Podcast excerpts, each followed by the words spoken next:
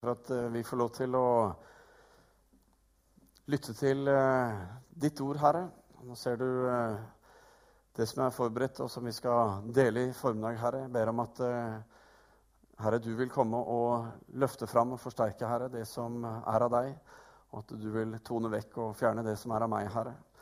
Men mest av alt, Herre, ber vi om at du, Herre, skal få lov til å tale til oss i formiddag. At du skal røre ved våre hjerter. Og at vi, Herre, skal få lov til å oppleve at det, det skapes noe nytt i oss. En, eh, enten det er en lengsel, eller det er en glede, eller det er en uh, opplevelse av frihet pga. din tilgivelse, din nåde og kraft. Men mer enn enn å definere, Herre, så ber vi om at du skal komme. Og la din vilje skje, Herre. La ditt rike komme, Herre, og at du skal få lov til å være herre i våre liv, Herre. Vær det i mitt liv, og jeg ber Herre at du skal være det i menigheten sitt liv. Så Herre, vi takker for alt du har gitt oss, og vi ber Herre om at vi skal få eh, forvalte det og ta det i bruk på en best mulig måte til din ære. I Jesu navn. Amen.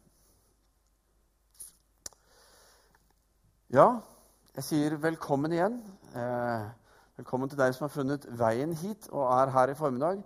Men også velkommen til deg som har eh, gått inn på hjemmesiden vår og funnet talen vår der, og som er med og lytter også der. Velkommen, alle sammen. Og eh, vi er glade for at eh, dere er her, at dere er her for å lytte, fordi vi tror at vi har tanker, at vi har ting å dele som vi mener vil være relevante og til ettertanke for alle som lytter. Vi tror på Bibelens Gud. Vi tror på en treenig Gud som vi eh, finner i Bibelen. En Gud som er far, og som eh, er i himmelen. Som eh, ser over oss, og som kjenner oss. Vi tror på at han viser oss hvem han er, gjennom Jesus Kristus, som levde her på jorden iblant oss. Og vi tror at ved vår tro, enten vi definerer den som liten, eller vi tenker at den er stor, så tar han bolig i oss ved sin Hellige Ånd og ønsker å lede oss i vårt liv og vår hverdag. Og Vi tror at Gud har noe å si inn i alle livets situasjoner, uansett hvor vi er og hva vi opplever. Og vi tror også at Gud ønsker at vi skal ha det godt. At vi skal få kjenne eh, godt først og fremst i at Han er nær og eh, er med oss i alle livets situasjoner. Og Vi tror det at Guds ord er relevant. Vi tror eh, derfor at eh, det som står i Bibelen, er noe som gjelder for oss. og Derfor så siterer vi Bibelen når vi har taler her. Og den utfordringen som vi står overfor, alle mennesker, enten vi tror eller ikke tror, eh, det er hvordan vi skal forholde oss til nettopp Guds ord. Men skal vi følge Gud på hans premisser, eller skal vi ta Gud med i vår egen hverdag og prøve å gjøre det på våre premisser? Å følge Gud på hans premisser det handler om å stole på han. Det handler om å ta det som står i Bibelen, og si at OK, jeg tror dette er noe du har sagt til meg, og da velger jeg å følge deg på dette. Og så får vi oppleve eh, tror jeg, dybdene i Gud gjennom nettopp å gjøre det. Og stole på Gud, at han taler til oss. Når vi velger å følge Gud på våre egne premisser, så handler det om at eh, vi tar Gud med oss inn i vår hverdag, og så prøver vi å få han til å virke inn sånn som vi tenker eller ønsker at hverdagen gjerne skulle være. Eh, og Våre hverdager de er skiftende, og det er ikke alltid lett å, eh, at Gud får måtte gjøre det han vil. Og Derfor så eh, ender vi ofte opp med å gå glipp av mye av det Gud kom for å gi. Og ikke bare det, men vi merker også at Guds ord kan virke for vanskelig inn når vi prøver å passe inn i vårt eget liv. Og til og med så kan Guds ord virke dømmende. Fordi det er vanskelig å kombinere Guds premisser med våre premisser. Men det interessante er, og det tror jeg virkelig, er at når vi eh, følger han på hans premisser, det er nettopp da han får lov til å gjøre det han kom for å gjøre. Det er da han får lov til å vise oss hvem han er. Det er da vi får lov til å erfare nettopp rikdommen i Gud når vi følger han på hans premisser. Og da tror jeg at de tingene som vi er opptatt av i hverdagen, og som vi ofte prøver å løse selv, og som vi håper at vi skal finne en måte vi kan få Gud til å hjelpe oss på, jeg tror da kommer han inn, og så hjelper han oss med disse på mye bedre måter enn det vi selv kunne se for oss. Og så er det noe med at Gud har gjort alt han kan for å møte oss. Han har gjort alt for at, kunne, at våre premisser skal være møtt mest mulig. Så det han gjorde, og som vi sang om i stad her, det er at han tok på seg vår straff. Han gikk i døden for oss. Snakker om på våre premisser. Altså, han tok alt hva som var oss, og så gikk han i døden for oss. Og derfor blir vår både utfordring, men også vårt privilegium, tror jeg, nettopp å følge Gud på hans premisser. I dag så fortsetter vi i serien som vi begynte for eh, to uker siden, som heter 'Hvordan være rik'. For alle vil jo, eller kunne godt tenke seg, å vært rike. I hvert fall rikere enn det vi er. Så det vi gjør nå gjennom denne serien, det er jo egentlig å forberede oss på den dagen vi kommer til å bli rike. Altså når vi blir rike, hvordan skal vi da gjøre det? Og vi syns det er bra at eh, folk er rike, men vi ønsker at folk skal være det på en god måte. Altså Ikke bare ha nok med seg selv, men bruke rikdommen sin på en riktig måte. Og Paulus han sa det til Timoteus. Timoteus var en ung lærling som eh, Paulus hadde trent, og som Paulus hadde sendt ut for å eh, jobbe og lede team andre steder. Og Han sa til han at når du møter rike mennesker, så må du lære dem hvordan de skal være det. Fordi det er vanskelig å være rik. Det er ikke noe galt i å være rik. Det er ikke det han sier. Men han sier det er vanskelig.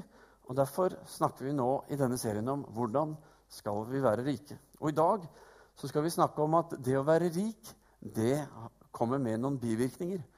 Altså, Det er noe som følger med det å være rik. Vet ikke om du har møtt noen som eh, du lurer på om de er litt for rike eller litt for rare. Og så lurer du på hva som kom først, det rare eller det rike ved de. Eh, og dette ser vi kanskje lettere på TV enn vi ser i hverdagen, fordi der måtte forsterkes alle ting.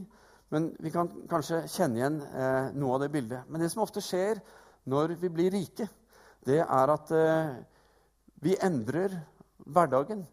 Vi legger om, og eh, vi distanserer oss mer fra de vanlige gjøremålene som vi kanskje gjorde tidligere. For eksempel, eh, så kan det hende at vi får noen til å gjøre rent for oss. Altså, Vi gjør ikke rent i huset lenger. Vi vasker kanskje ikke klær lenger. Eller eh, vi eh, slutter å reise kollektivt, for nå har vi jo bil og kan kjøre hvor vi vil. Så, eh, og vi, eh, dermed så er det masse mennesker som vi ikke møter i det daglige. Og så isolerer vi oss mer og følger mer vår egen bane og vår egen vei gjennom mange ting. Og så går vi litt glipp av hva som er virkeligheten. Eh, og så ser vi, Hvis du ser på TV av og til, så har du kanskje sett at det er et program som heter 'Den hemmelige millionæren'. Så ser vi at de, veldig, at de, utfordrer folk som er veldig rike, på å gå inn og leve på et veldig lite budsjett, og så finne ut hva er det som skjer i virkeligheten i verden. Altså Der hvor folk ikke har mye penger, hva er det folk strever med? Og så skal de inn og så gi penger inn i dette. Så ser vi hvordan øynene virkelig åpnes. Og oi, tenk at mennesker lever og har det sånn. Så det å være rik det skaper noen sånne avstander og gjør at eh, vi skjønner ikke helt eh, forskjellen på eh, rik og ikke rik. Så vi skal se på noen bivirkninger som er greie å være obs på i tilfelle du skulle bli rik. En av eh, bivirkningene som preger rike mennesker, det er at de lever i fornektelse. De vil rett og slett ikke innrømme at de er rike. Jeg vet ikke om du har møtt noen sånne. Eh, men det er jo litt rart, egentlig, fordi høye mennesker vil jo innrømme at de er høye. Lave mennesker vil jo innrømme at de er lave. Eh, en kunstner vil jo innrømme at livet hans er rotete, at bilen er rotete, at huset er rotete, men han er jo glad og lykkelig for det. En introvert person vil jo være villig til å innrømme at han er introvert. Og en ekstrovert han kan jo ikke vente med å fortelle deg at han er ekstrovert og så videre. Men rike de vil som regel ikke innrømme at de er rike. Vi var litt innom dette for to uker siden da vi så på en undersøkelse som Money Magazine, altså et pengemagasin borte i USA, hadde gjort. Hvor vi så på at eh, de som eh, var rike, eller de som hadde f.eks. en halv million i inntekt, vi spurte dem om de var rike, så sa de nei. Ja, hvem er rike, da? Ja, Det er de som tjener én million. Så stort sett var trenden det at det de selv tjente, det doblet de for å definere hvem som var rik. Og selv om de hadde sekssifrede lønninger, så valgte man å gjøre det. Men Money Magazine de spurte også abonnentene sine hva de Hva mente man at man måtte ha i likvide midler, altså penger på bok, for at man skulle definere seg selv som rik? Og eh, Undersøkelsen viste at man mente at du måtte ha 5 millioner dollar i likvide midler for å kunne definere deg selv som rik, altså 30 millioner kroner. Men samtidig så viser jo da kanskje den første undersøkelsen at har du 30 millioner, så vil du si at nei, rik det er han som er 60 millioner. Ikke sant? Så vi ser at det er vanskelig å definere rik, og man vil alltid si at rik handler om mer. Før vi eh, gyver løs på neste eh, bivirkning, så skal vi eh, se en liten film. Det er en reklamefilm som gikk på TV for en del år tilbake, som er litt artig i, forhold til dette. Så vi sier 'snurr film', og så håper vi at teknikk og alt går sånn planlagt.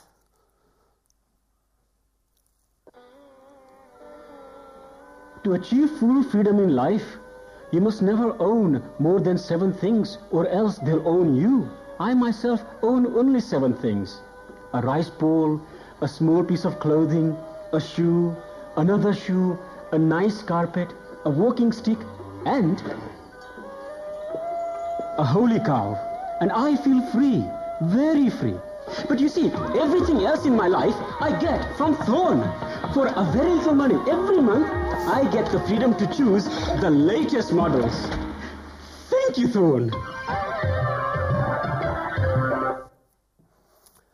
Ja, Det er mange måter å skaffe seg mye i livet på. Så prøv meg en sånn bibelsk 'bli lys'. Du verden. En annen bivirkning det er rett og slett at rike mennesker de plages av utilfredshet. De er rett og slett eh, ikke tilfredse. Eh, og det kan eh, virke utrolig, men det å stadig få nye ting, eller det å kunne erverve seg nye ting, det fungerer litt på samme måte som det gjør med appetitten. Fordi jo mer du gir appetitten, jo større blir appetitten. Og jo mindre du gir den, jo mindre blir den også. Og det som skjer, er at jo mer man skaffer seg, som å få penger mellom hendene, så kjøper man seg stadig flere ting. Og jo mer man skaffer seg, eh, jo mer vil man også ha. Og Derfor har vi også dette kjente ordtaket 'mye vil ha mer'. For det er en kjensgjerning. Men det er ikke bare det at eh, vi hele tiden kjøper oss mer, men jo mer vi får, jo mindre behov og glede har vi av de tingene vi da også får. Og det er en ting som er viktig å vite dersom du skulle bli rik en dag og få lyst til å kjøpe masse, masse, masse, og tenker at det skal være tilfredsstillende. Eh, en annen ting som også eh, følger med i dette, som rike mennesker gjør, det er at de oppgraderer. Jeg vet ikke om du har hørt om det, men å oppgradere det handler om å eh, ta noe som virker, og erstatte det med noe nyere, bedre, større eller finere, som virker omtrent eh, ofte veldig likt. Og Det finnes f.eks. Eh, rike mennesker som vil ta bilen sin, og så kjører de til bilforhandleren, og så gir de fra seg bilen sin der. Nøkkelen og alt. Og så I tillegg så gir de masse, titusenvis, kanskje hundretusenvis av kroner til bilforhandleren. Og så kjører de av gårde i en bil som ser ganske lik ut, bare at den er litt en annen farge, litt nyere og litt finere. En gang i mitt liv har jeg eh, ervervet meg en helt ny bil på leasing eh, gjennom et, eh, en butikk vi hadde da vi bodde i Drammen. Og eh, da var det akkurat kommet en sånn facelift-versjon på Ford Mondeo. Og selgeren han sa det var 1500 nye ting på denne bilen i forhold til den gamle. Men for oss dødelige som kom for å kjøpe bilen, så var det én forskjell vi så, og det var at grillen var litt annerledes. Alt så helt likt ut, men alt var gjemt baki. Og, men det er altså sånne ting som eh, rike mennesker gjør. Men ikke bare det. Eh, så kan rike mennesker kan gå inn på et kjøkken hvor det er skap, overskap, underskap, skuffer, komfyr, mikrobølgeovn, kjøleskap Alt du trenger. Og så river de ut alt sammen. Hiver det rett og slett ut. Og det de setter inn i stedet, det er jo kjøkken og, med overskap og underskap og skuffer og mikrobølgeovn og plater og alt dette her. Og eh, så ser det finere ut, ja, ikke sant? Og kanskje bråker ikke skuffene og skapene sånn som eh, de gamle gjorde. fordi nå går det forsiktig og sakte inn. Men det er jo fint å kunne gjøre disse tingene. Paulus han sier til Timoteus i 1. Eh, Timoteus brev, kapittel 6, så sier han eh, Forman dem som er rike i denne verden, at de ikke må være overmodige og ikke sette sitt håp til den usikre rikdommen, men til Gud, Han som gir oss rikelig av alt, for at vi skal nyte det. Paulus sier at de ikke må være overmodige, fordi eh, det er en eh, naturlig tilbøyelighet som vi mennesker har. Det er at vi tenker at rike mennesker er smartere mennesker. Eh, og det er ikke bare de, sånn at når man blir rik, så tenker man det. Eh, men de som ikke er rike, de tenker at oi, de må være smarte. Og så er vi med på å bygge opp en sånn tanke om at rike mennesker er veldig smarte. Og, eh, og mange av de er det. Det er ikke det. Men du blir ikke smartere av å være rik, er jo et viktig poeng. Men det som også skjer, er at man ikke bare tenker at man er smartere, men man tenker at man er bedre. Og folk som ikke er rike, tenker at de som er rike, de er bedre. Og så får man disse skillene hvor man tenker at man er smartere og man er bedre, og så blir man overmodige på mange ting i livet. Og, og dette er ikke noe nytt. Det er ikke noe som har skjedd nå i den siste tid etter at oljen kom til Stavanger. og sånn, Men dette, sånn har det vært opp gjennom i alle år. Og, eh, men Paulus han går enda dypere inn i det som virkelig er viktig i forhold til dette med å være rik. Når han eh, ser på kjernen i det, og det er den neste, hvor han sier at de ikke må, være, eh, ikke må sette sitt håp til den usikre rikdommen. For det er noe som skjer når vi får mer penger mellom hendene. Det skjer et skifte som vi veldig sjelden er, eller merker selv, med mindre vi er oppmerksom på det. Og så viser det seg at selv om man er oppmerksom på det, så eh, skjer dette skiftet allikevel. Og Derfor eh, er dette en kjempestor utfordring i møte med rikdom og mye penger. For det som skjer, det er at håpet det migrerer. Altså det flytter seg fra et sted hvor det har fått næring, til et annet sted for å få næring. Håpet flytter rett og slett på seg. Og det eh, som skjer, er at eh, håpet det knytter seg mer og mer til rikdommen. Til eiendeler, til eh, det å ha penger på bok til at ting skal være større og finere, nyere og bedre osv. Og så skjer det at rikdommen bedrar oss, og så ender vi veldig ofte opp som litt dårlige rike. Og langt på vei så er dette sannheten om store deler av den vestlige kulturen. Og Norge som verdens rikeste land sitter litt på toppen av den kaka. Vi ser i altfor liten grad den virkeligheten som vi lever i, og vi kjøper oss for lett for en, eh, for en god samvittighet, ofte for et ubetydelig beløp. Og igjen så vil jeg bare påpeke at dette er ikke noe vi velger når vi blir rike. Det er noe som skjer.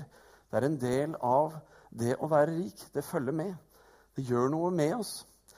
Kong Salomo, som var rikere enn eh, mest sannsynlig du noensinne kommer til å bli, og meg og for den saks skyld, han sa i Ordspråkene 18, i vers 11, så sa han det at eh, den rikes gods er hans faste borg.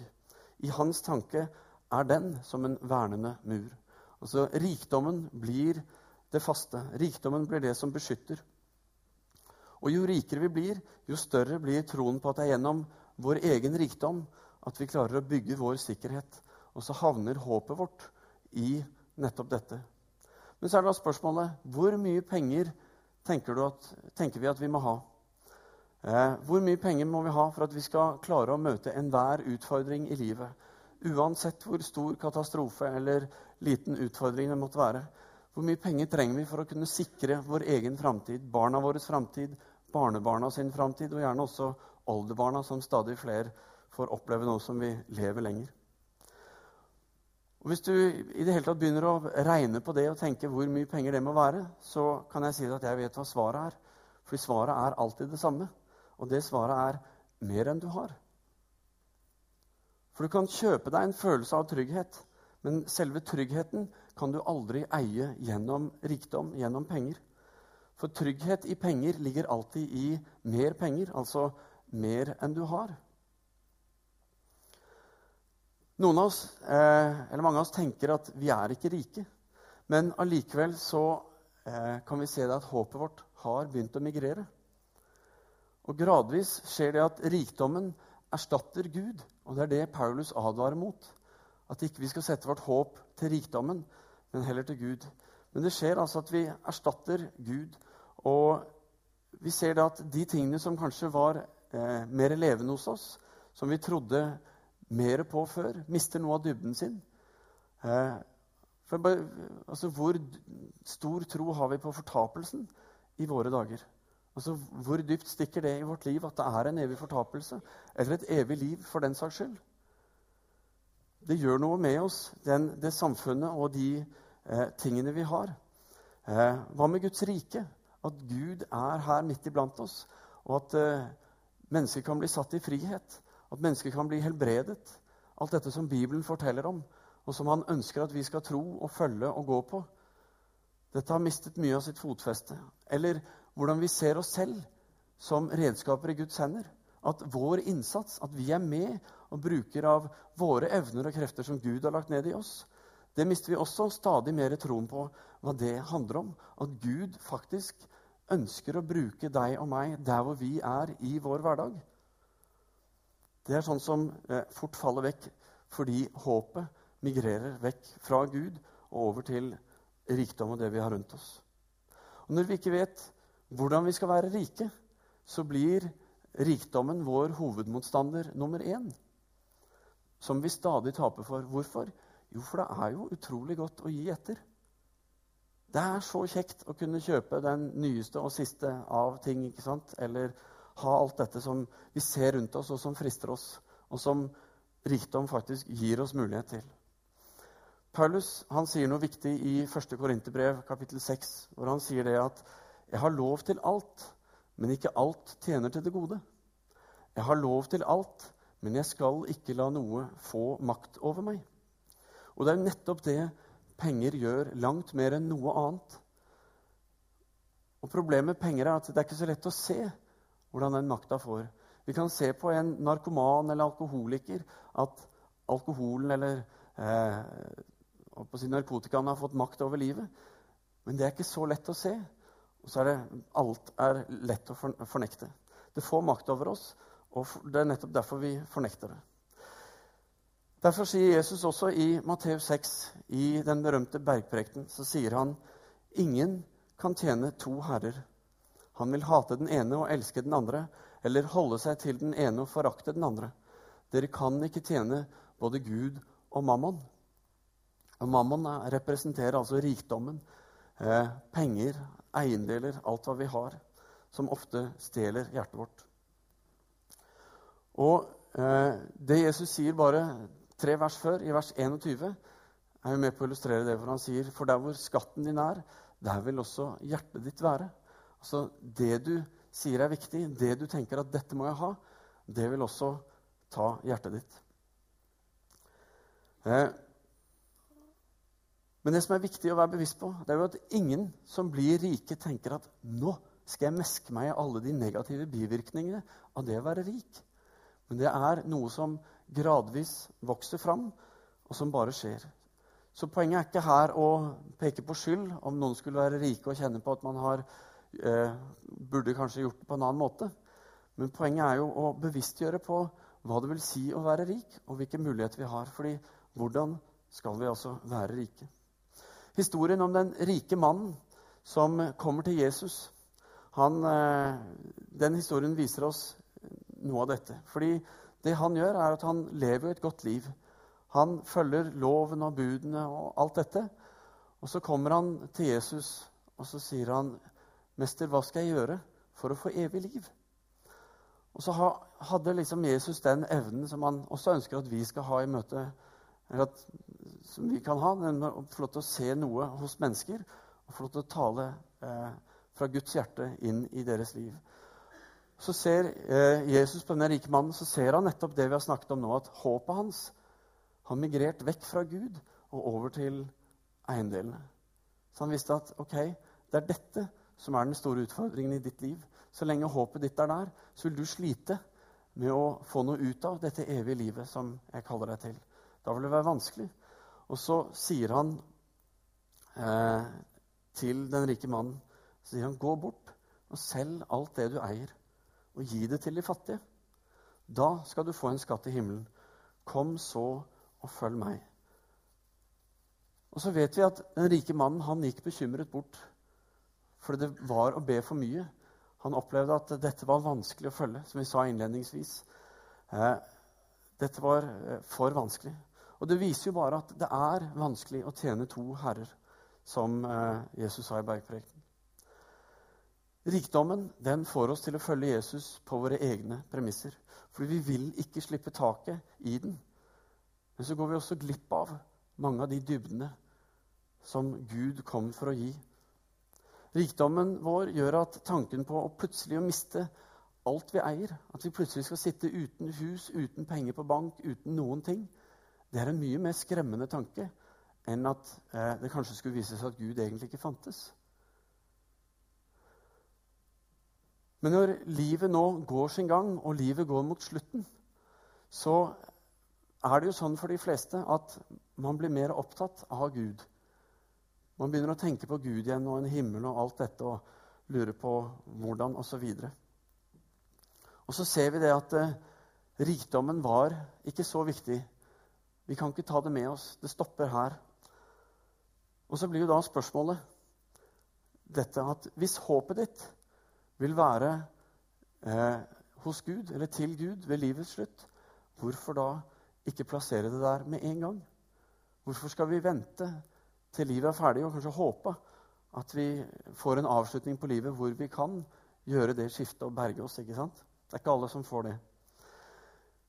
Og jeg tror svaret på hvordan være rik handler om nettopp hvilket forhold vi har til rikdommen.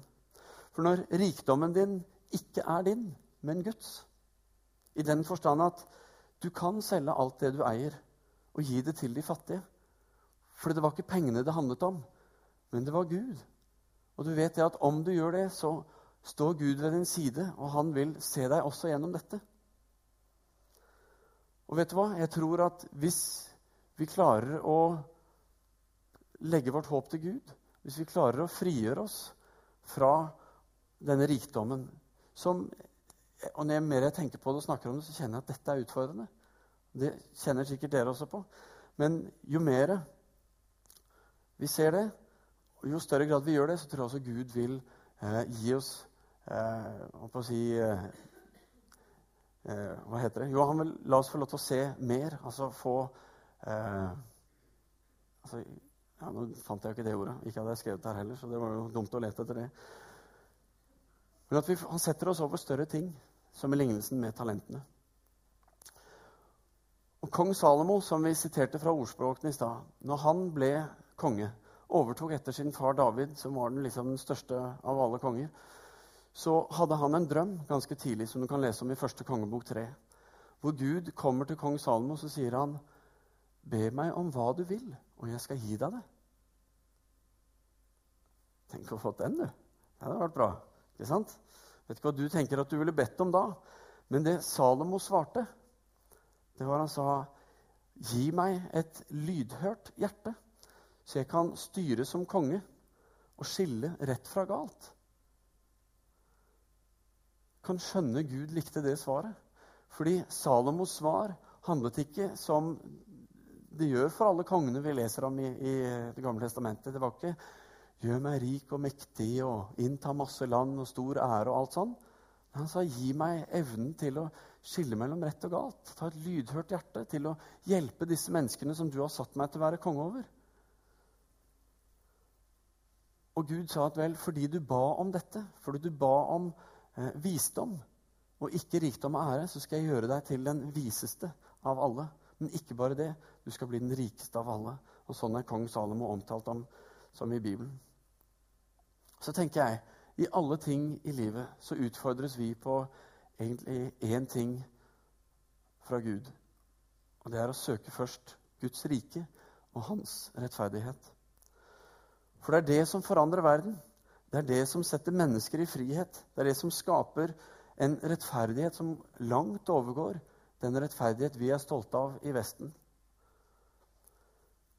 Det er her troen, det er her Guds rike forløses i våre liv. Det er her vi får se dybdene i hvem Gud er, og hva han har lagt ned i oss, og hva vi skal få lov til å leve i. Og jeg tror at når vi gjør det, når vi velger å bestemme oss at nei, jeg vil sette mitt håp til deg, Gud, jeg vil tro deg og følge deg, ja, da vil vi også se at eh, det skjer en forandring både i oss selv, men også i verden rundt oss, i vårt forhold til menneskene rundt oss. Så spør ikke hva dine penger kan gjøre for deg, men spør hva dine penger kan gjøre for Gud og for din neste. For du skal elske Herren din Gud av hele ditt hjerte og din neste som deg selv. Gjør du det, så trenger du ikke å selge alt det du eier, fordi Gud vil eh, la deg forvalte det på en god og riktig måte. Så har jeg nå sagt at vi ikke kan kjøpe en ny bil. At vi ikke kan pusse opp kjøkkenet. Nei, for all del. Jeg håper jeg en dag kan kjøpe meg en ny bil. Og så videre. Men poenget er hvor er det, hva er det som er viktig for oss? Hvor er det vi setter håpet vårt? Og så er det noe med det at vi skal ikke la dette bedraget som rikdommen er, ikke la det stjele vår beste tid. For det er jo det det gjør. Vi bruker så mye tid og energi på å jakte på noe som til syvende og sist ikke betyr noe. Men vi kan få bruke vår beste tid sammen med Gud i det Han skapte oss til. Og så tror jeg at livet og forholdet til rikdom, penger og alt dette forandres. Perspektivene forandres. Og så tror jeg at vi kommer til å ha det veldig bra uansett. For han sier Søk først Guds rike og hans rettferdighet, så skal dere få alt det andre i tillegg. Som Paulus sa, han som gir oss rikelig av alt for at vi skal nyte det. Skal vi be. Kjære himmelske Far, vi takker og priser deg, Herre, for at uh, du uh, ser så utrolig mye mer. Din vei er så utrolig mye bedre enn vår vei. Dine evner, Herre, til å uh, lede og til å forvalte og til å skape noe godt, den er så uendelig mye større, Herre, enn vår. Fordi vi blir så fort opptatt av oss selv. Vi blir så fort opptatt av å bruke rikdommen vår på å bare gjøre vår egen hverdag bedre og bedre. Så ender vi med å jage etter noe som ikke er der. Vi bedrar oss selv. Herre, takk for at uh, du har plassert oss i et rikt land. Du har plassert oss i et uh, land hvor vi kan ha stor rikdom. Men så ber jeg Gud, og så håper jeg vi alle kan be om at du, Herre, skal hjelpe oss å forvalte dette rett. At det skal bli til velsignelse.